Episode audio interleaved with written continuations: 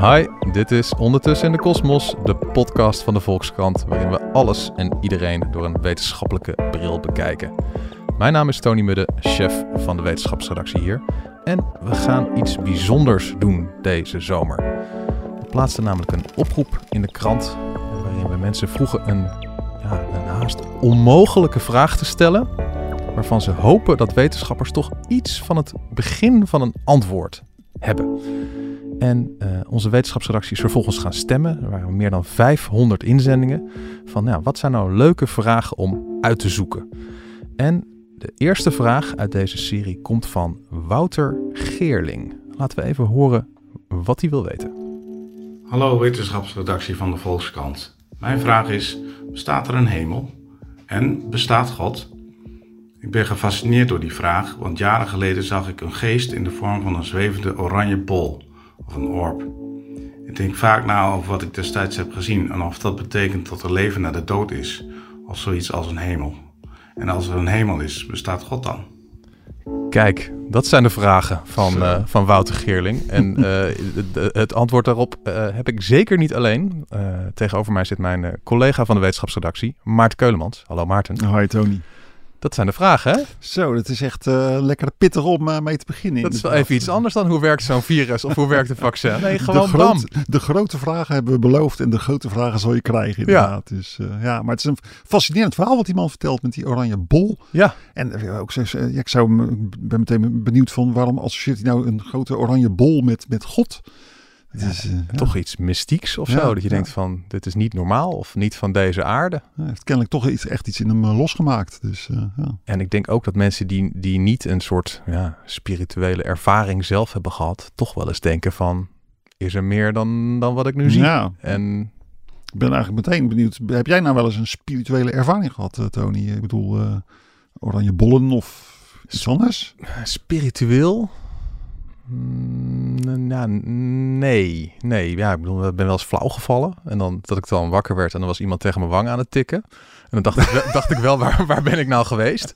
Maar was het de engel of... Uh... ja, nee, nee, dat was gewoon een... Uh, ik wou broeder zeggen, maar een verpleegkundige. Ja, ja, ja. ja, ja. Die tegen mij aantikte. Ja, Zo van even erbij blijven. Maar niet intussen zweven door tunnels en allemaal dat soort dingen die je altijd hoort van, van mensen die bijna doodervaringen hebben gehad. Dus, nee, uh, ik niet. Jij wel? Nee, nee, nee, ook niet. Helaas niet eigenlijk, moet je zeggen. Het lijkt me ook heel cool. Maar... Ja, het lijkt me heel tof om zo eens een keertje gewoon mee te maken. Een uh, spirituele ervaring. Ja. Maar uh, nee, dat is uh, nee, helemaal niet. en en even, even het grote plaatje. Hè? Want, want hoeveel mensen ja, geloven dat er iets als een god is of een meer dan wat wij zien? Zijn, zijn er gegevens van bekend? Ja, belachelijk veel. Moet je nagaan. We leven in Nederland natuurlijk in een samenleving uh, waar het eigenlijk helemaal niet zo nodig is om in God te geloven. Ik bedoel, het is niet zo dat we hier allemaal ja, uh, heftige ziektes hebben die rondwaren of oorlogen of zo. Dingen waardoor je echt denkt van, nou ja, dan snap je dat mensen in God gaan geloven. En toch, nou ja, het is echt iets van twee derde in Nederland die zegt wel eens op een of andere manier op, een, uh, ja, op wat voor manier dan ook te geloven in iets hogers. Dat kan God zijn, dat kan, uh, dat kan, een, uh, dat kan ja, weet je wel, Allah zijn van de moslims. Ja. het kan een soort spiritueel iets zijn. Dat kan van alles zijn. En het zijn, je hebt ook mensen die zeggen van, nou ja goed, ik geloof, ben eigenlijk niet gelovig, maar af en toe geloof ik er wel in. En de echte harde kern van, van echt gelovige mensen die naar de kerk gaan, die echt zichzelf christen noemen of moslim, die is veel kleiner. Dat is ongeveer een derde als je het een beetje optelt. Ja. Uh, laatst was ook in het nieuws hè, dat voor het eerst is in Nederland zijn er meer uh, ja, agnosten en atheïsten dan dat er gelovige mensen zijn. Die twee woorden moet ik altijd heel hard nadenken. Ja, atheïsten, dat, een atheïst is iemand die echt niet gelooft, die echt zegt van ik geloof er niks van. En ja. agnost is iemand die zegt van ja, ik weet het niet. Maar okay, juist bij die agnosten, dat is een grote groep. En daar zitten best wel veel mensen bij die, nou ja, je weet het niet. Maar ze zeggen ook niet heel definitief van ik geloof niet. Dus als je dan een beetje doorvraagt, dan blijkt eigenlijk dat die mensen af en toe wel degelijk zeggen van nou ja, ik sluit het niet uit. En soms, uh, soms geloof ik toch echt wel dat er iets is. Er is misschien wel iets meer tussen hemel en aarde. Misschien is er wel een leven na de dood. Dat soort antwoorden geven die mensen. En jij zei in het begin van wij leven in een samenleving waar het niet echt nodig is om te geloven. Want er is hier geen oorlog en noem maar op. Want, want in dat soort situaties zijn er dan meer mensen die geloven om, om een soort houvast te hebben nou, of zo? Ja, kijk, weet je, dat is een beetje hoe je geloof precies uh, uh, definieert. Mm -hmm. uh, je hebt ook, ik, ik ben overigens opgeleid als, als antropoloog ooit. En ik heb ook heel veel, ja, weet je wel, vakken en keuzevakken en boeken gelezen over wat dan heet religieuze antropologie. Dus inderdaad de, de antropologie van godsdiensten. Ja. En daar, daar, daar, daar in die leerboeken staat altijd van ja, dit is de functionalistische stroming. Dus dat je echt eh, ervan uitgaat van geloof moet een functie hebben. Dus geloof is echt als het naar is, dan, moet, dan ga je geloven. Maar je hebt bijvoorbeeld ook de structuralistische eh, stroming. En die zegt van ja, geloof hoort eigenlijk altijd op een of andere manier bij een samenleving. Dus als je atheïst bent, ben je eigenlijk ook net zo goed een eh, gelovige. Want jij gelooft namelijk dat er geen God is. Oh, op Dus die manier, zeggen ja, eigenlijk dat, dat geloof is altijd, zit altijd in de samenleving, zit altijd tussen de oren van de, van de mensen. Mhm. En het hangt erg af in wat voor samenleving je zit, wat je dan precies gelooft en hoe dat geloof zich, eh, zich uit. Maar wat wel heel fascinerend is, weet je, we hebben het hier natuurlijk over God, over engelen, over de hemel, over allemaal dingen die je niet kunt zien. Mhm. En toch is de, in de hele geschiedenis van de mensheid is eigenlijk geen samenleving te vinden waar mensen gewoon helemaal niet geloven. Dus altijd is geloof in de meerderheid van de mensen aanwezig. En Altijd het idee van er is een hogere macht die iets te Die zeggen bestuurt. heeft over wat er hier op aarde gebeurt. die met je meekijkt, die Ja. inderdaad eh, wonderen eh, teweeg brengt, eh, die ingrijpt in het leven, die luistert als jij aan het bidden bent. Heel gek, want ja, wij zitten hier in een kamer en nou ja, die God is hier niet om ons heen, zou je objectief kunnen zeggen. Mhm. En toch zijn er dus de meeste mensen die denken, nee, God is overal aanwezig en dus ook hier in deze kamer, ja, hoort hij ons. En, van de middeleeuwen kan ik me voorstellen, hè? want dan, nou ja, oké, er zijn gewoon kerken gebouwd en dat is wel vrij, vrij duidelijk wat ze precies geloofden. Maar veel langer geleden, hoe kunnen wij van oermensen reconstrueren of ze spiritueel waren? Ja, ja, dat is heel ingewikkeld eh, en, en ook heel speculatief. Wanneer is het daar eigenlijk precies begonnen?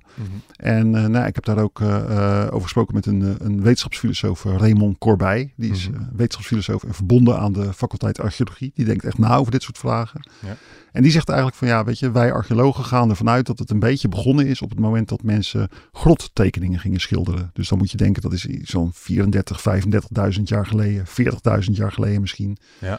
Het waren wel moderne mensen, net zoals jij en ik. En eh, die zijn vanuit Afrika zijn ze naar Europa gekomen. Hebben daar de Neandertalers eh, eh, verdreven eigenlijk. En ja, een van de hele opvallende dingen die ze toen gingen doen was, was eh, figuurtjes uit ivoor snijden. Maar ook die grottekeningen maken. Dus je kent ze wel, hè, van die mammoets op de grotmuren. En, en Raymond Corbij, eh, die, die hoogleraar wetenschapsfilosofie, die zegt van ja, dat is echt een uiting van wat dan animisme heet. Dus het geloof in geesten. Die mensen, die, je kunt best betogen dat die mensen die zaten die eh, beesten niet voor niks op die muren te, te schilderen. Die hadden daar allerlei gedachten bij dat dat nou ja, geesten waren. Dat, dat er zoiets is als een, eh, een wereld daarbuiten die bezield is. En eh, Ja, kan je dat afleiden uit een tekening in een grot? Bedoel, Waarom zou ze het anders doen? En waarom zou ze het anders op zo'n hele plechtige, symbolische, eh, bijna symbolische manier eh, doen? Hè? Met, ja, oké. Ik zat gewoon te denken van, nou, de kleuter gaat ook op een gegeven moment gewoon de hond proberen te tekenen. Ja, nee, maar dat, dat kun je natuurlijk ook prima betogen hoor. Het is. Maar als je het allemaal optelt, in die tijd, nou ja, die beeldjes maken. Je gaat in grotten die dingen op de muur zitten schilderen.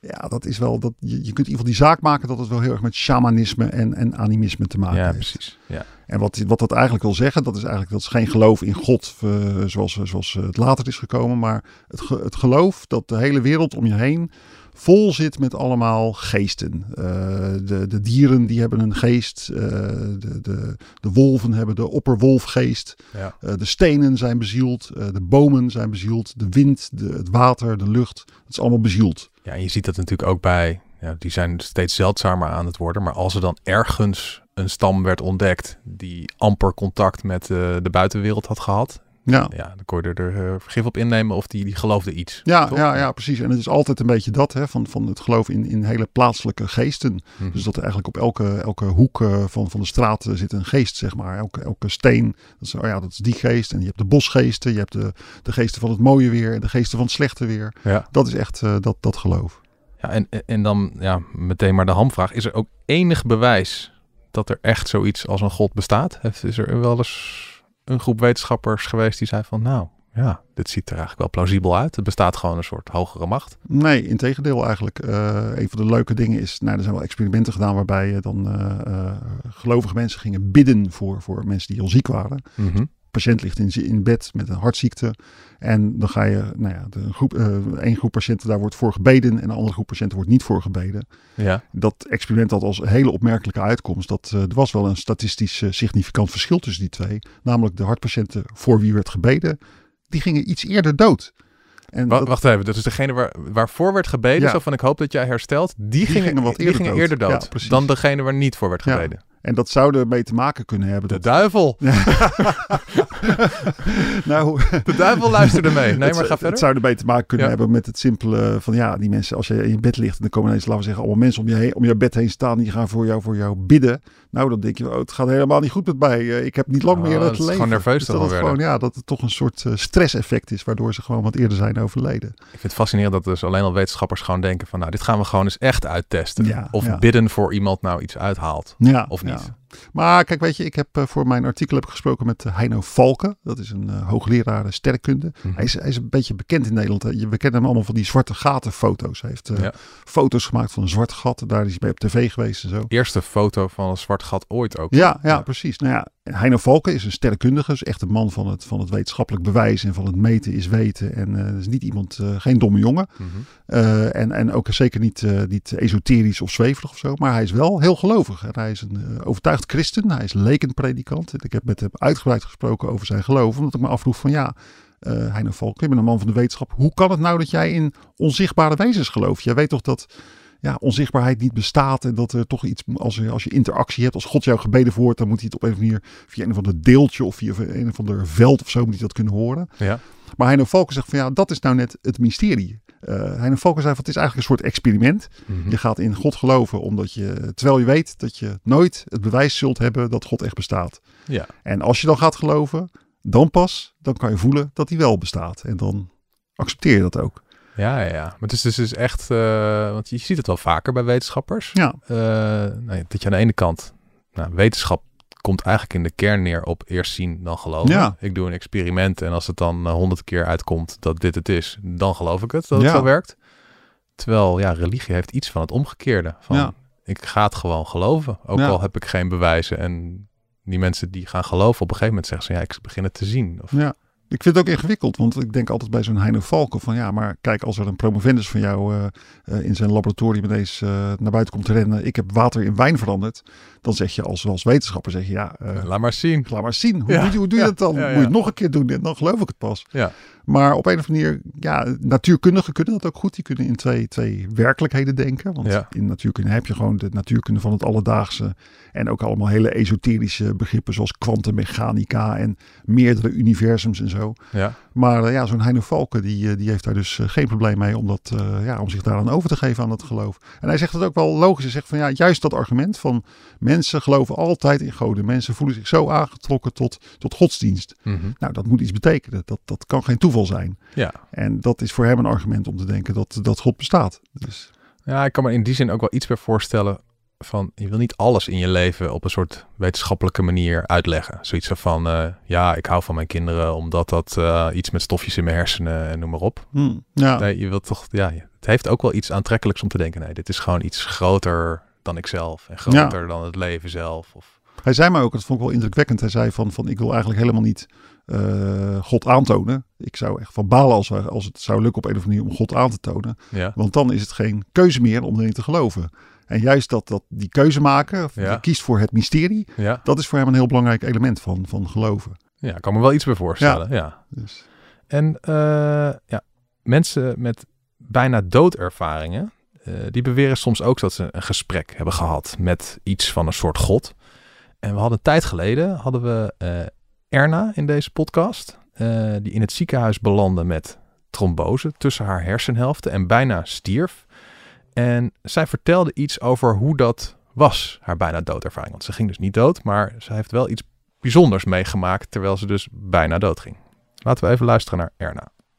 En ik zag de dood en eh, nou, ik was echt verbijsterd. Dat ik zei van, goh, hoe kun jij dit nou doen? Ik heb een baby thuis, ik heb een kleuter thuis. Hoe kan je dat nou doen? Dat, dat kan toch niet dit? Waarop een stem, eh, die ik hoorde, maar ook waarnam, zei van, goh, jij weet toch dat we daar geen rekening mee houden.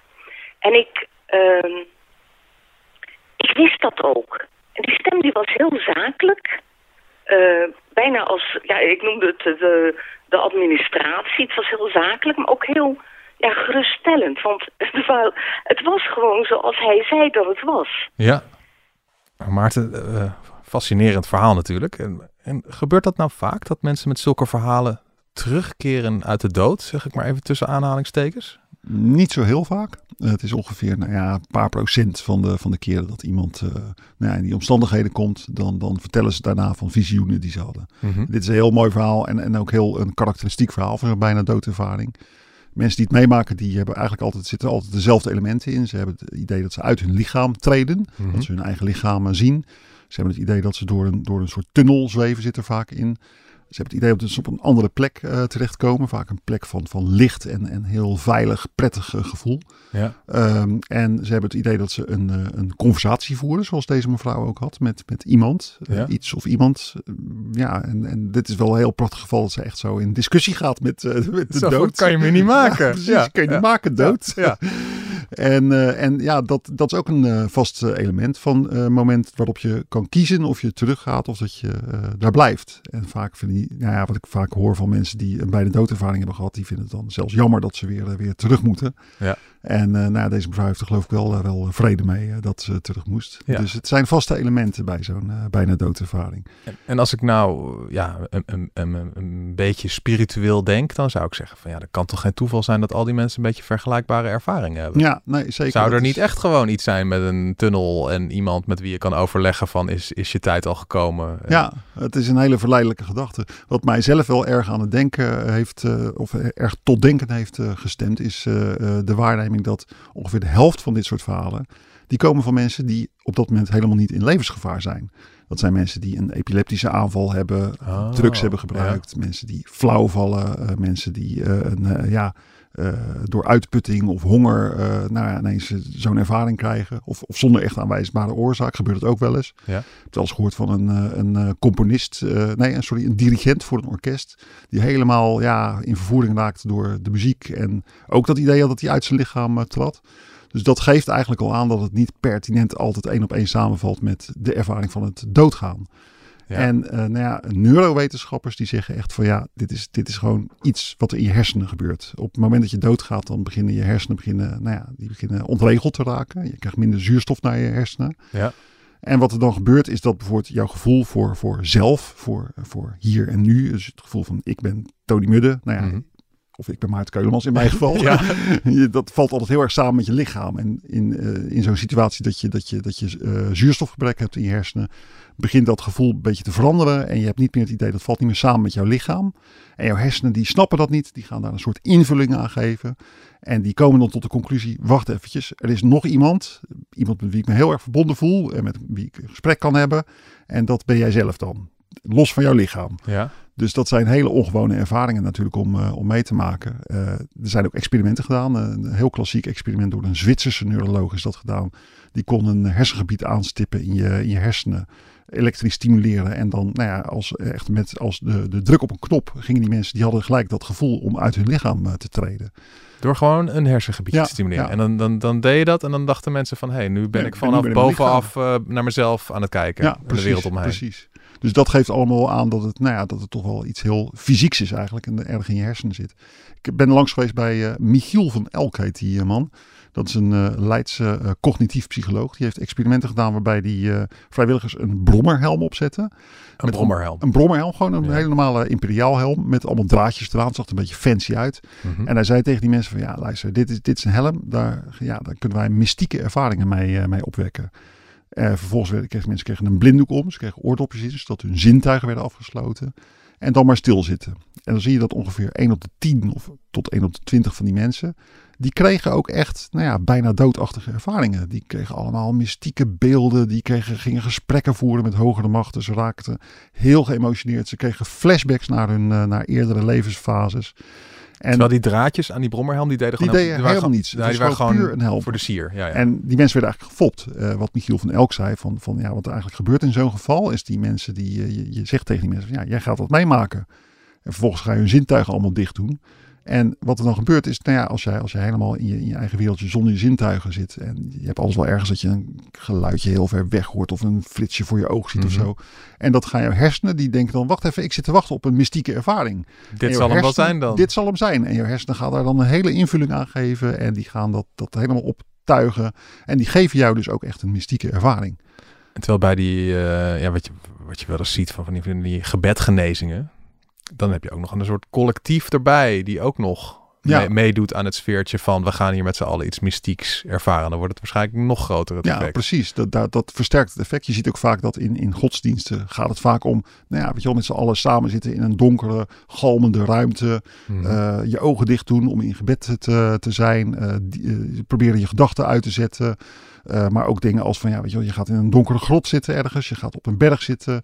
Tijd niet eten, tijd niet drinken. Weinig slapen, mediteren. Dat zijn allemaal omstandigheden waardoor je gewoon, ja, dat, dat goddelijke gevoel, dat mystieke gevoel bij jezelf opwekt. En als je dat dan ook nog doet met een, nou ja, zoals die Michiel van Elk het letterlijk noemde, een proefleider. ja. Dus laten we zeggen, een religieus leider die zegt van eh, jij gaat een mystieke ervaring krijgen.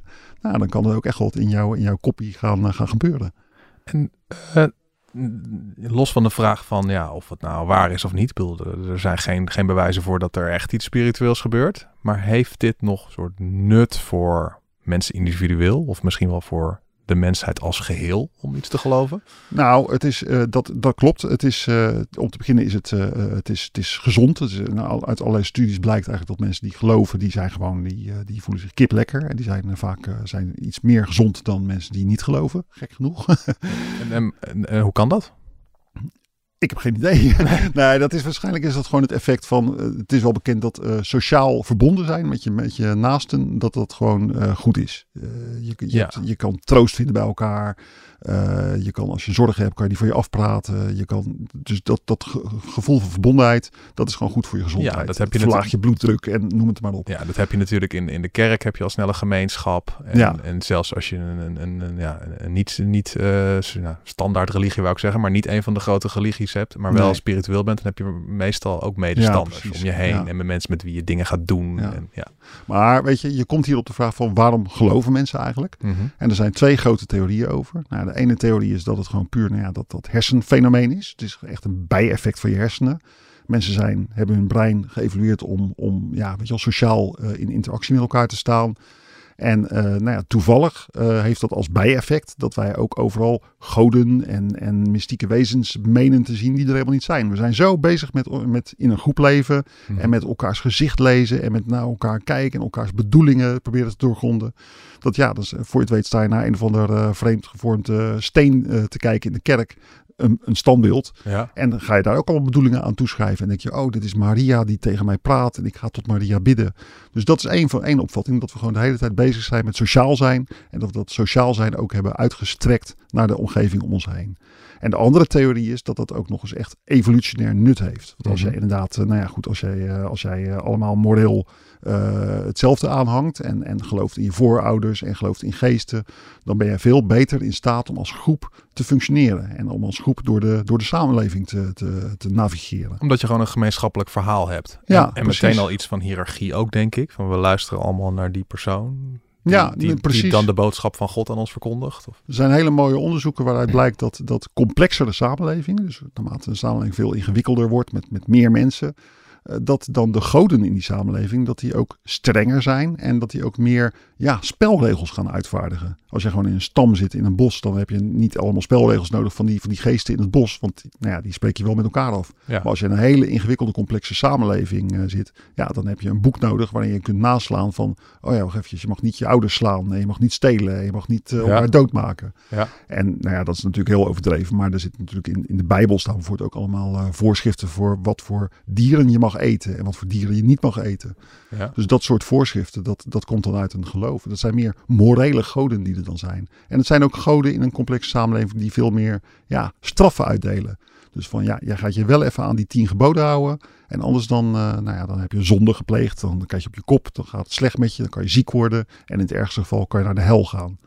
Dus dat is een beetje zoals eh, godsdiensten evolueren. Ja, en dat, en dat zou dan ook ja, dat, of dat door Nou. mensen bewust of on- onbewust ontworpen kunnen zijn om, om de samenleving gesmeerder te laten Ja, worden. dat is, er is een ander onderzoek waaruit blijkt dat eigenlijk de eerste samenleving complex werd. En dat daarna eigenlijk die godsdiensten eh moreler werden. Ja. Dus dat wil zeggen van nou ja, het is een soort, eh, het ene is een functie van het ander. Dat, eh, de, de samenleving werd eerst complex en daarna pas de goden. Die Ja. gingen de, de, de lakens uitdelen. Dus ja, dat zou erop duiden dat inderdaad godsdienst gewoon een, ja, een evolutionair ding is wat wij hebben ja, bedacht met z'n allen. En nou las ik ook wel eens ergens iets van een evolutionair psycholoog en die zei van nou ja, dat, dat, dat- even de oermensen. En die eh, zag dan ergens iets ritselen in het, in, in het struikgewas.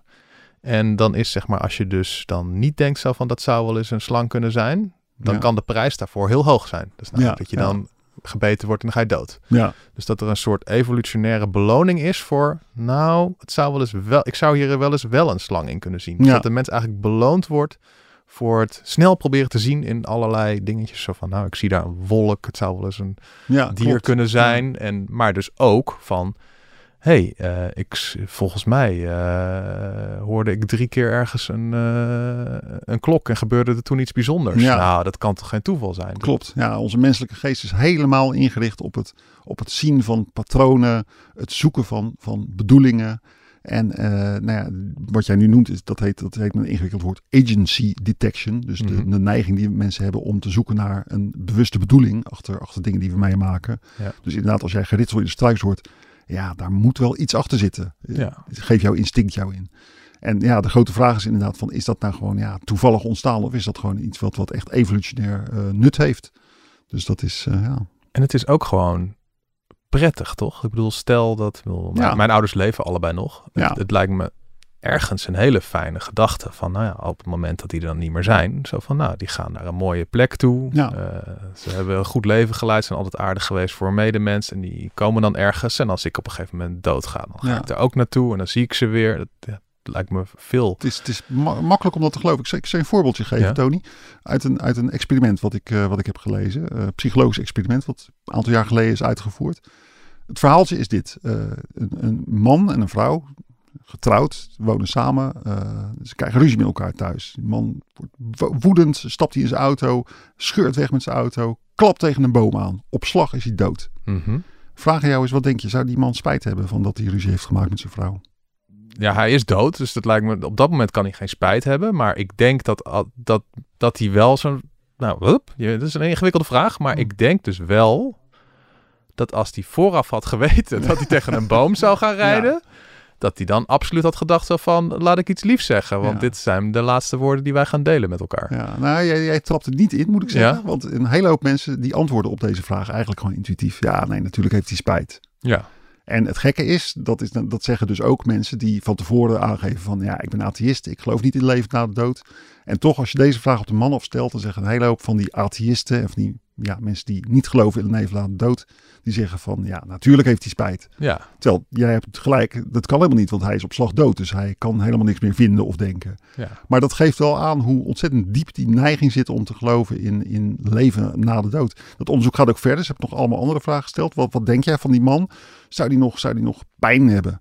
Nou, zeggen een hele hoop van die proefpersonen die zeggen nee, nee, die heeft geen pijn meer.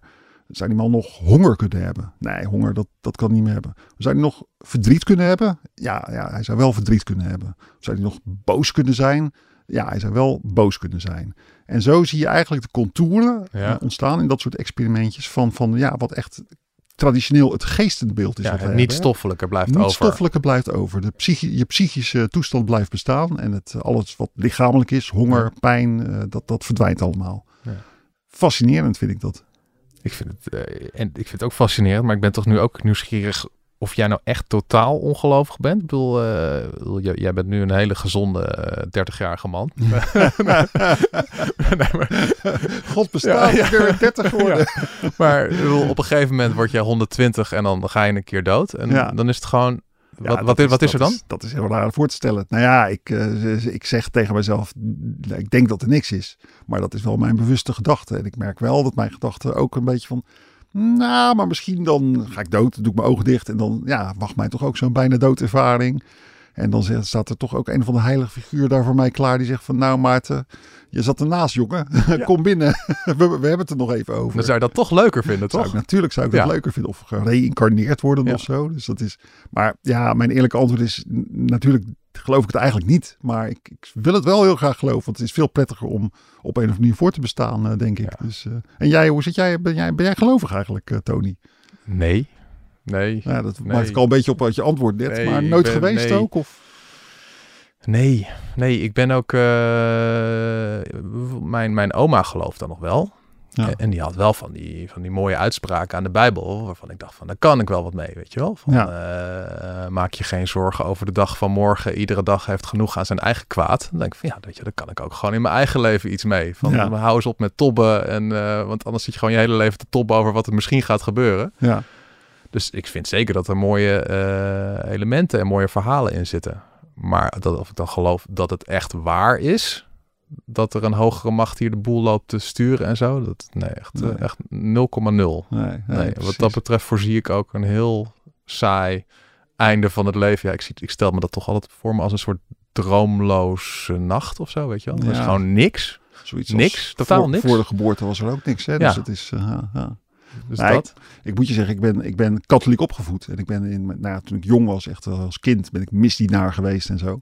En eh, ik vond het wel heel. Ik heb, dat is wel een leuke ervaring dat je gewoon dat gevoel hebt van wat het is om te geloven. Dat als Mhm. je je naar voelt, dat je gaat bidden. En ja, dat helpt. Dat gaat dan weg, je nare gevoel. Je voelt je nooit alleen. Je bent altijd samen met God. En het is, eh, er is altijd een soort grote vriend, ergens onzichtbaar, die met je meekijkt. Ja. En dat is wel, dat vond ik toen wel heel, eh, heel prettig, moet ik zeggen.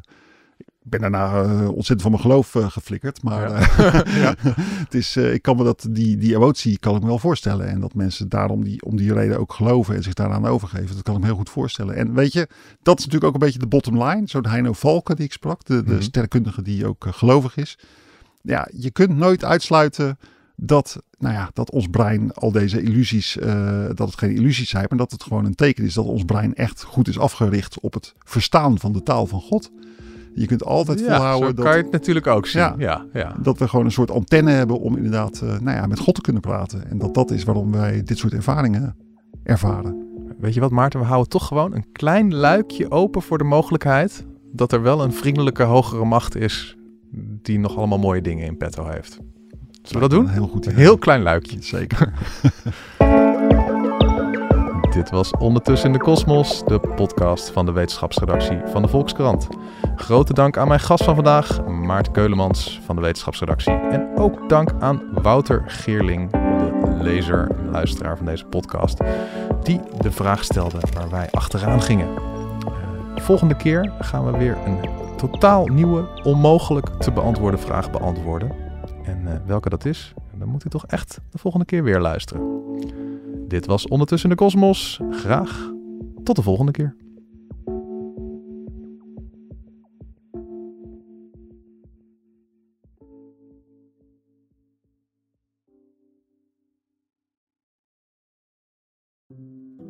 Hi, mijn naam is Corine Kolen en je luistert naar De Liefde van Nu. In de 18 jaar dat ik interview over de liefde heb ik die nog nooit zo zien veranderen als op dit moment. Grenzen tussen vriendschap en liefde zijn veel minder scherp. En ook de strikte verschillen wat betreft seksuele geaardheid en voorkeuren zijn aan het vervagen. In deze podcast interview ik telkens iemand die vertelt over hun zoektocht naar liefde en vriendschap. Dit is de liefde van nu.